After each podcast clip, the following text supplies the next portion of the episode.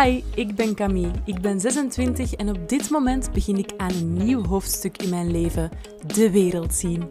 Een paar maanden geleden gaf ik mijn job op, verhuisde ik al mijn spullen naar een garagebox en liet ik mijn kat achter bij de buren. Met mijn backpack en spaarcenten op zak kocht ik een enkeltje richting Azië. Wat een jaar reizen met je doet is een reispodcast waarin ik je meeneem naar de wereld van de wereld. Hallo guys! Vanuit Colombo, de hoofdstad van Sri Lanka, wens ik je heel erg welkom bij een nieuwe aflevering van Wat een jaar reizen met je doet. In de vorige aflevering had ik het over onze planeet en de impact van toerisme daarop. Ik vertelde je dat een van de hoofdredenen waarom ik zo graag reis is om natuur te bewonderen. Ik zei bijvoorbeeld dat ik ervan hou om dichter bij de ongerepte, schone natuur te zijn. Wat nog altijd het geval is, maar ik heb misschien een klein, klein beetje gelogen. Ik heb iets achtergehouden omdat ik er eigenlijk een volledige episode aan wil wijden. Er zijn namelijk twee dingen die horen bij die tussen haakjes geweldige ongerepte natuur die ik ongelooflijk haat. Ik zou eigenlijk uit de grond van mijn hart willen dat deze dingen niet bestonden, of dat ik ze tenminste nooit zou tegenkomen. Maar dat gebeurt wel. En elke keer als ik ze tegenkom onderweg op reis, dan wil ik voor een kort moment zo heel even terug naar mijn veilige appartement in Antwerpen. In deze episode ga ik dieper in op een persoonlijk trauma en verhaal dat misschien toch heel herkenbaar is. Want de meeste van ons hebben wel angsten of een of andere fobie of zo. Misschien is er wel iets waar jij bang voor bent en dat jou onbewust tegenhoudt om naar bepaalde gebieden te reizen. Daar ga ik het over hebben en ik ga ook tips geven om daarmee om te gaan, zodat je bepaalde reisbestemmingen niet laat afhangen van jouw angsten. Jullie gaan waarschijnlijk lachen en mij misschien zelfs heel belachelijk vinden, maar dit is echt een issue, geloof mij. Ik ben heel bang van 1. Beesten zoals slakken, wormen, bloedzuigers en kikkers. En 2. Van olifanten. Yep, you hear me. Ik heb schrik van slakken en van olifanten. Nu, dat van die slakken, wormen en kikkers, dat heb ik altijd al gehad. Dat is eerder een afkeer dan een echte fobie of een trauma. Ik kan gewoon echt, echt niet tegen het glibberige en het slijmerige van zo'n beest. Ik kan er niet naar kijken, ik kan het niet vastpakken of voelen. En ook nu, terwijl ik dit vertel en terwijl ik dus een slak visualiseer, word ik een beetje misselijk. En soms moet ik ook zelfs kokhalten als ik eraan denk. Ik had dat vroeger al, hè, toen er slakken op onze oprit thuis kropen. Ik ben opgegroeid op het platteland, in Buggenhout City, for all who know. maar wij hadden dus een tuin, veel natuur en zo. En in sommige seizoenen zaten er dus veel slakken en wormen. En ik weet dat ik als kind echt zo hinkelde tussen al die naaktslakken om tot bij de voordeur te geraken, zodat ik er toch maar geen plat trapte echt heel vies. Nu, deze slakkenangst, dat is gewoon iets dat ik al heel mijn leven heb.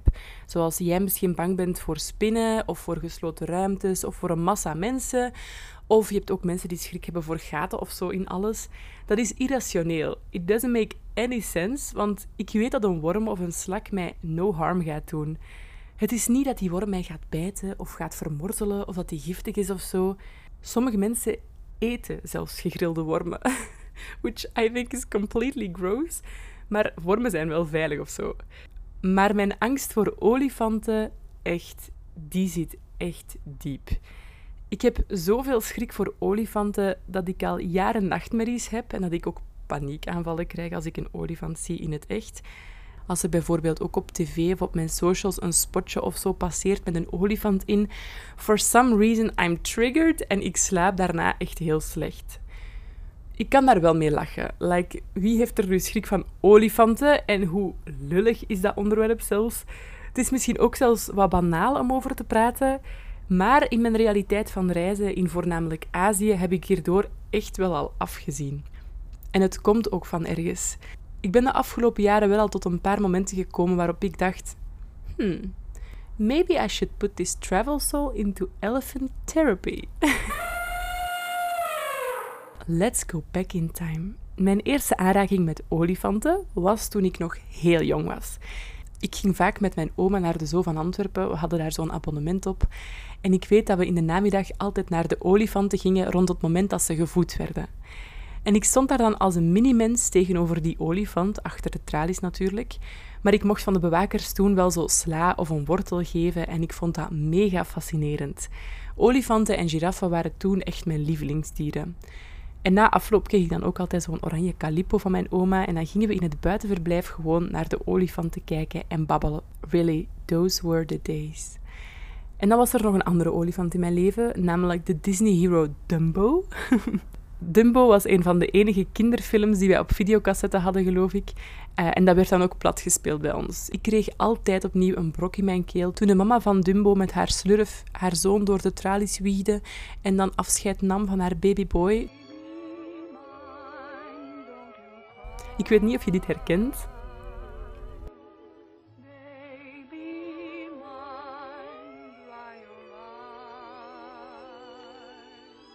Tegelijk zag ik in die film ook hoe freaking agressief olifanten kunnen worden. I remember the moment waarop alle circusolifanten dachten: nu hebben we ze liggen. Die braken de circustent af, die staken dat in brand, die slingerden palen omver. They ruined the whole circus. En dat is terecht, want de vieze circusmensen die de olifanten opsluiten en mishandelen, die verdienden dat. Maar ik zag als kind dus ook al de power en de agressiviteit die zo'n kolossale olifant kan hebben. Die dingen waren totaal niet traumatisch. En zoals mijn research mij leerde, komt elke diep gewortelde angst of trauma van een soort van beginpunt van waaruit het een ding begint te worden in je leven. Want normaal gezien ervaar je enkel angst wanneer je in een bedreigende situatie zit. Hè? Ehm, als je bijvoorbeeld wordt aangevallen door een hond of je hebt bijna een ongeluk op de snelweg, dan gaat je lichaam reageren waardoor je hersenen een soort error geven en je snel moet handelen. Je hart gaat sneller kloppen, je gaat zweten, je ademhaling gaat sneller. You are ready to flee or flight. Maar bij een fobie of trauma wordt dat angstcentrum in je hersenen geactiveerd zonder dat er een reële bedreiging is. Dat wil zeggen, als ik een olifant zie, ook al doet hij niks ergs of staat hij op een veilige afstand, dan voel ik meteen al deze symptomen. En dat gevoel heb ik sinds december 2013. Dat is mijn beginpunt, jongens. Het cruciale moment dat de angst er voor eens en altijd heeft ingestoken was de safari-reis in Kenia. 13 jaar geleden intussen ging ik met de whole family op safari in Kenia. Dat was een super speciale en prachtige reis. Met twee jeeps toerden we twee weken lang door nationale parken in Kenia op zoek naar de Big Five. Ik herinner me de reisverhalen van mijn opa, die met de verrekijker naar mij stond te zoeken naar een nijlpaard of een cheetah.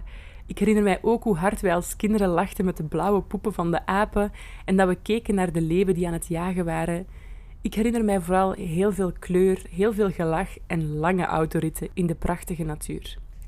Rond oudejaarsavond waren wij een paar dagen in een groot national park dat bekend staat voor de olifantenpopulatie. En we logeerden daar in een tentenkamp vlakbij een grote rivier. En met een tentenkamp bedoel ik echt zo van die glamping witte tenten rond een restaurant gebouwd. Het kamp waar wij verbleven, dat was echt nieuw. Dat was nog maar een paar weken geopend toen dat wij er waren. Dat was een zotte plek. Ik weet nog dat het 1 januari was en dat mijn broers en ik onze nieuwjaarsbrief voorlazen aan mijn opa, terwijl er op 150 meter aan de overkant van de rivier een kudde olifanten aan het drinken en aan het spelen was. Dat was echt idyllisch en supermooi. Ik herinner mij ook heel goed hoe wij de volgende dag wakker werden. Toen we naar buiten wilden gaan voor ons ontbijt, zag ik plots een gigaslurf voor onze deur. Voor onze tent stond dus een kolossale olifant met zijn slurf zachtjes te porren tegen ons terras en dak. Like, we lost our minds. In de rampjes aan de zijkant zag ik dat de kampbewakers met stenen en groep dat beest probeerden weg te jagen. En ik zag ook dat mijn ouders en andere familieleden uit de tenten in de buurt geëvacueerd werden. Ik kan mij niet herinneren hoe lang mijn opa en ik daar hebben gewacht tot ze uiteindelijk ook ons evacueerden. Maar ik herinner mij wel hoe raar en eng ik dat vond dat die olifant gewoon voor mij stond. De twee dagen daarop werd onze jeep twee keer aangevallen door olifanten.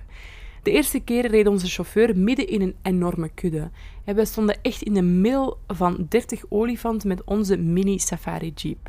En natuurlijk werd er één olifant plots pist en begon hij achter ons te lopen, waardoor wij door struiken, de bush noemen ze dat, moesten rijden. En dat gaat niet snel, hè. Dat is door putten en struiken en... En we waren gewoon zo aan het schokken in die jeep. Ik denk dat wij allemaal door elkaar geschud zijn. Dat we allemaal builen hebben overgehouden daaraan. Um, maar ja, die, die olifant die was dus gewoon echt super, super kwaad. En ook de dag erop was er een olifant gewoon aan het wegwandelen van ons toen hij onze auto hoorde en zich plotseling omdraaide. Ik weet nog heel goed, die keek naar ons, die wapperde met zijn oren en die begon gelijk een zot te lopen. En ook toen heeft onze gids alles uit de kast moeten halen. I remember dat ik gewoon riep van go James, go James, want dat heette James. Dat wij er gewoon net, net voor die olifant uiteindelijk snelheid konden pakken en dat we weg waren. Maar dat was dus wel de laatste dag dat ik nog op mee durfde op safari in dat park. Er was natuurlijk, net zoals in de Disney-film Dumbo, een geldige uitleg voor dat gedrag van de olifanten. De parkwachters die vertelden ons dat de olifanten heel boos waren omdat het nieuwe tentenkamp op hun terrein was gebouwd. Het territorium naast de rivier, waar wij dus altijd zaten, dat was eigenlijk eeuwenlang van de olifanten geweest. En dan kwamen er ineens rijke mensen die daar een tentenkamp bouwden. En daar waren wij ons op voorhand ook niet van bewust. Maar ik vroeg me dan ook af van ja, oké, die olifanten zijn al pist. Waarom rijdt onze chauffeur altijd expres dicht bij die beesten? Voor de kick? Voor de extra fooi die, die we zouden geven? Ik weet alleen dat het die dieren extra agressief maakte en terecht. Ondanks dat het dus wel rationeel te verklaren was en dat het dus geen uitzinnige dieren zijn of zo, heb ik tot op de dag vandaag nog altijd nachtmerries over die olifanten en over het feit dat die toen aanvielen.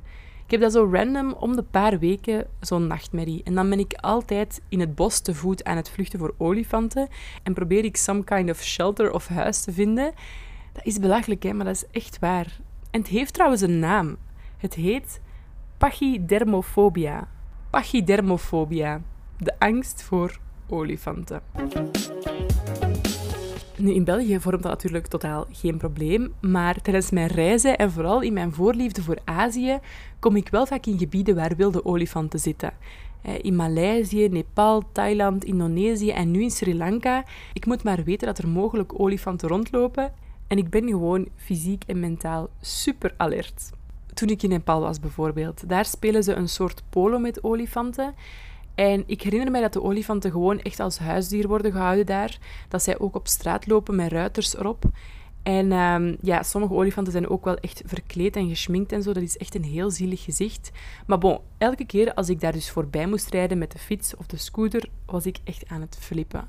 Ik was een hele tijd escape routes aan het bedenken van oké, als deze olifant met zijn slurf uithaalt, dan spring ik af de scooter en dan ga ik in dat stenen huis staan. Of dan rijd ik met mijn fiets naar daar enzovoort. Maar zelfs wanneer ik gewoon onderweg ben en ik zie geen olifanten, maar er komt een bord met Elephants Crossing, ben ik een hele tijd aan het scannen. Dat is echt vermoeiend hoor. Ik ben een hele tijd mijn omgeving aan het analyseren. Ik kijk bijvoorbeeld van oké, zijn dit fruitbomen of bananenbomen? Dan is er een grotere kans op olifanten. Ah, hier ligt een meertje, dat is ook niet goed. Ik neem ook nooit fruit of eet mee in mijn rugzak, want olifanten kunnen dat dus keihard ruiken. Idem met apen trouwens. Ehm, ik ben ook bang als de ergste hitte voorbij is en als ik in de late namiddag door zo'n gebied moet, omdat ik weet dat olifanten in de late namiddag meer moeven en rondlopen. Dus ik rij liever vroeger op de dag rond. Ik kijk ook continu of er andere huizen zijn waarin ik kan lopen als het nodig zou zijn. Ik kijk ook of ik um, ja, uitwerpselen zie en zo. I'm that person. En het makkelijkst zou zijn, het meest obvious zou zijn van Camille, vermijd gewoon deze plekken. Ga er gewoon niet naartoe. But honestly, I would miss out on so many beautiful places and cultures.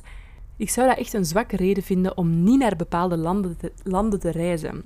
En ik heb dus al in de past years zo wat tactiekjes toegepast om mijn angsten te overwinnen. Ik ben geen psycholoog of zo, maar ze hebben mij wel al geholpen. Ik ben intussen een soort van olifanten-expert geworden. Ik google superveel over olifanten. Dat is ook een tip die wordt gegeven aan mensen die struggelen met bepaalde angsten. Google en dan weet je. Want kennis is macht, sowieso. Sinds ik er bijvoorbeeld achter kwam dat mensen slakken eten, weet ik dat ze niet giftig zijn. En ik weet dus ook intussen alles over het gedrag en lichaamstaal van olifanten. Ik weet dat je moet oppassen als het een moeder is met een kalf. Ik weet dat je nooit tussen twee olifanten mag rijden. Ik weet ook dat je nooit het wandelpad of de route van een olifant mag blokkeren. Laat hen hun pad volgen. Kom ook niet te dicht. Er is zo'n beetje meer discussie over hoeveel meter, maar blijf gewoon zeker 20 meter weg of zo. Maak geen lawaai, dus ga niet toeteren of roepen. Maak ook geen bruske bewegingen. Observeer de olifant en kijk naar gebaren die op agressie duiden, zoals wapperende oren met een voorpoot wiebelen, bepaalde takken afbreken zonder dat ze die eten. Ik probeer ook altijd te denken aan één mantra, namelijk een olifant is eigenlijk een grote, grazende koe. En van koeien heb ik toch ook geen schrik? Ik vind koeien zelfs vrij schattig. Een olifant is dus eigenlijk gewoon een grote, grazende koe. Lesje minimaliseren. ik zoek ook geen video's meer op van elephant attacks. Want dat is toch echt iets wat iedereen doet, toch? Zoiets waarvan je schrik hebt of waar je zo ergens zo een vreemde fascinatie voor hebt, dat je dat veel googelt en dat je daar veel naar kijkt. That's not good, guys. Het belangrijkste is denk ik dat ik mijn fears probeer te facen op een andere manier. Ik ben nooit dingen uit de weg gegaan waarvan ik wist, hier bestaat de kans dat ik olifanten zie. Ik heb ooit um, een paar jaar geleden een trekking gedaan in een nationaal park te voet. Uh, daar zaten ook olifanten. Ik snap eigenlijk nog altijd niet hoe zot dapper ik toen ben geweest. maar dat was dus een hele dag uh, dat je met de gidsen ja, op pad ging te voet. En ik heb echt op een paar meter gestaan van neushoorns, van krokodillen, van beren. Maar oh wee, als wij toen door het olifantengras moesten stappen. De gidsen zeiden van dit is speciaal gras waar vooral veel olifanten in zitten. You have no idea hoe hard ik tegen die gids geplakt was. I was totally ready to flee. Zeker toen de gids zei dat er één olifant in het park was, Ronaldo genaamd, die erom gekend staat dat hij heel agressief is en dat hij vaak mensen en dorpen aanvalt en ook al toeristen in dat park heeft aangevallen. Maar gelukkig was het niet zo midden paarseizoen en was Ronaldo oké. En heb ik die jungle-tocht zonder weird elephant encounters doorstaan. Ik ben hier ook in Sri Lanka op olifantensafari gegaan met een erkende gids. Daar was ik ook nul seconden op mijn gemak, geloof mij. Maar het voelt wel goed om in een context te zijn waar de olifanten niet aanvallen en ook met iemand te zijn die er wel ervaring heeft, in heeft. Dus ik probeer dat ook wel echt bewust op te zoeken, um, die angsten in een gecontroleerde situatie, snap je? Zodat ik ook op andere manieren met olifanten in contact kom en dat geleidelijk aan mijn nachtmerries goede dromen worden of zo. Wat ik wel echt nooit zal doen, en dit heeft alles met mijn principes te maken en niks met mijn olifantenvrees, dat zijn zo van die toeristische activiteiten met olifanten, waarin dat je op olifanten rijdt of dat je daarmee zwemt of zo. Um, of naar een zogenaamde sanctuary gaan. Want dat is hier overal. Hè. Zo van die elephant sanctuaries, dat zijn dan zo gezegd uh, wees- of verzorgingstehuizen waar olifanten worden verzorgd. Als je dan in realiteit aankomt, dan zie je dat die olifanten worden mishandeld, dat die worden geslagen, dat die ook gewoon zelfs aan een ketting hangen. Elke situatie waarin een olifant aan een ketting vasthangt, dat is abuse. En soms, heel soms zijn er parken voor olifanten waar ze vrij rondlopen en gewoon inderdaad worden opgevangen en dat is oké. Maar het is eigenlijk altijd moeilijk om te zeggen, vind ik. Ik doe ook bijna geen uitstappen meer naar um, een zoo of zo, ook in België niet. Want dat is eigenlijk ook helemaal niet oké. Al snap ik wel dat er een educational factor aan zit of zo, maar het is eigenlijk nooit oké om zo'n dieren gevangen te houden. Daar zijn we toch allemaal over eens, hoop ik. Travel story, travel story, travel story time. Het reisverhaal van vandaag is eigenlijk nog maar eentje van een week geleden. Het is hier in Sri Lanka gebeurd en uh, mensen die mij op sociale media volgen, die hebben het misschien al gezien. Dus we hebben hier voor een maand een tuk-tuk gehuurd.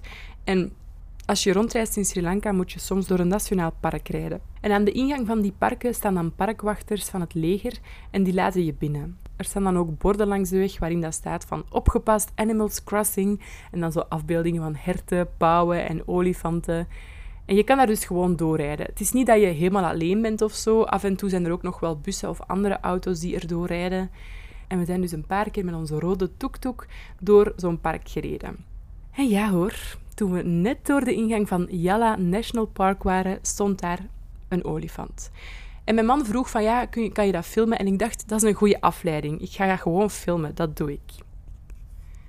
Hij liet eerst een busje voorgaan, zodat hij zo wat zag hoe de olifant daarop zou reageren en of dat we goed door konden gaan.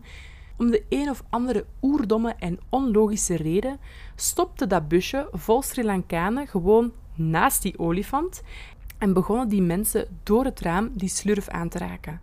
Tot die olifant of course kwaad werd en ze gas gaven en doorreden. Maar guess wie de olifant als volgende zag? Right, wij in onze rode mini-tuk-tuk.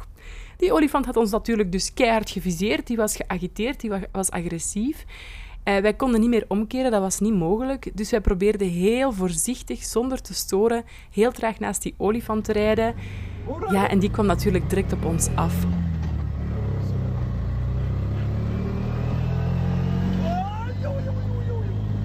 Toen hebben we echt volle gas gegeven naar voren. Die slurf die is echt bijna door mijn raam gekomen. Maar ik bevroor helemaal. Ik bleef gewoon filmen. It was a frozen Camilla in the back of the tuk-tuk. Terwijl mijn man super blij was van de kick en de adrenaline en keihard begon te lachen.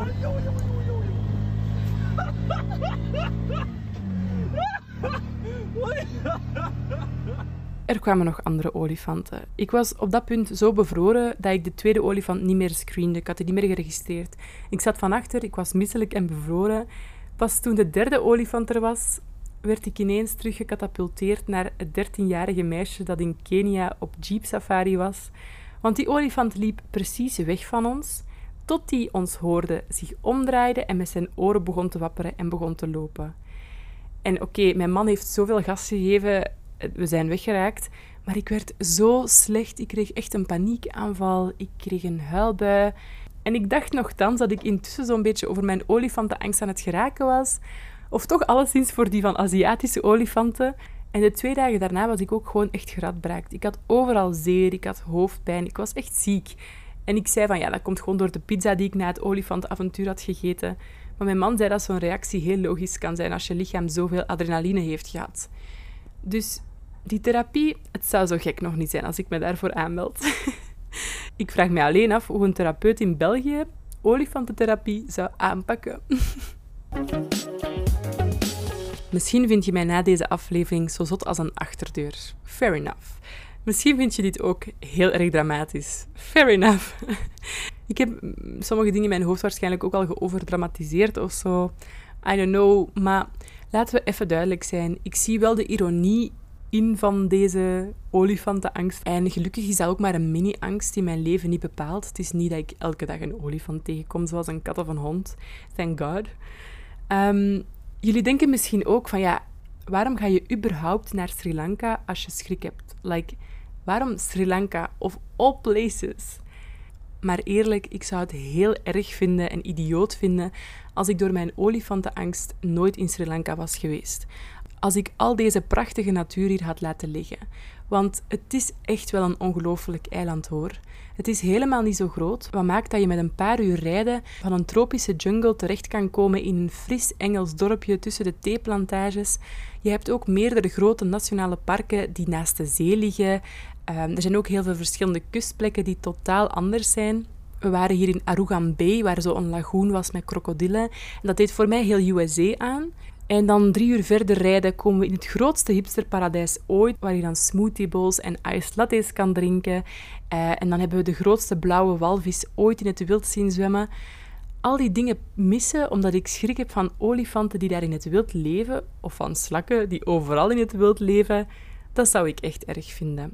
Dus mijn advies voor deze aflevering luidt: ook al heb je smetvrees, heb je agorafobie, heb je arachnafobie of andere angsten zoals vliegangst of angst voor het donker of zo, dan heb ik één tip. Laat je angsten je reizen niet beheersen en niet tegenhouden. Het is eigen aan ons brein dat we bepaalde situaties gaan vermijden om de symptomen van angst te voorkomen. Zo kan het dat je bijvoorbeeld zolders of tuinhuisjes gaat vermijden om geen spinnen tegen te komen. Dat heet anticipatie of vermijdingsangst. Maar dat zou heel jammer zijn dat je net zoals je nooit op je zolder komt, ook niet naar Azië of zo zou durven rijden. Ik kreeg onlangs een DM van een meisje die vroeg van ja, zijn er grote spinnen in Thailand? Ben je die tegengekomen? Dan denk ik van ja, ik ben af en toe wel eens een spin tegengekomen en dat was geen fijn moment, maar dat hoort er gewoon bij. En it's part of the journey, it's part of traveling. En je mag ook niet vergeten dat dat, dat, dat bewoonbaar gebied is. Hè. Er zijn miljoenen mensen die zo leven en die elke dag deze beesten tegenkomen. Ik heb voor mijn volgende bestemming ook heel wat zenuwen. Zowel goede als slechte. We'll talk about those later. maar ik probeer zoals altijd voor het avontuur te gaan. En zolang mijn gezondheid en mijn geld het toelaat, hoop ik dat ik dat nog heel lang kan doen. Dikke merci voor het luisteren vanuit een hotel dat vol met olifantenschilderijen en tegels hangt. Echt waar. bedank ik je heel erg voor al het enthousiasme en alle vragen en zo die ik nog altijd binnenkrijg. En ik hoop dat je volgende keer opnieuw luistert, want dan ben ik er om te praten over een heel ander topic vanuit een heel ander continent. Bye!